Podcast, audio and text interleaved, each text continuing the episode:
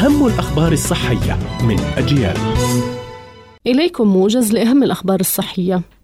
أشارت خبيرة في علم نفس الألوان أن ارتداء ملابس ذات ألوان معينة له عدة فوائد. فارتداء اللون الأصفر مثلا يمكن أن يجعل الشخص يشعر بالسعادة.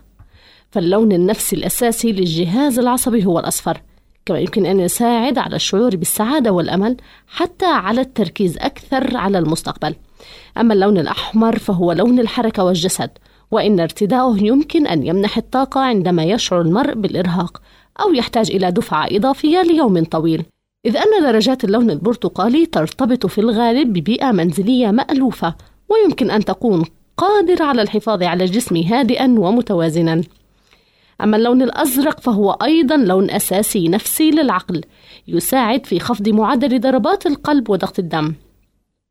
فظلال اللون الأزرق لها تأثيرات مهدئة وتؤدي الألوان الزرقاء الفاتحة إلى تحفيز التفكير في الإجازات ما يؤدي إلى عقل أكثر حرية.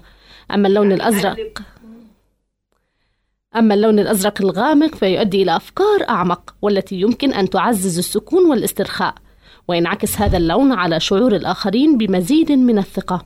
أما اللون الوردي فهو لون الراحة والنعومة ما يجعله اختيارا جيدا للجنس الناعم عندما يردن أن يشعرن بالراحة والنعومة كما أنه مفيد عند الرغبة في إضفاء جانب أكثر أنوثة للأزياء.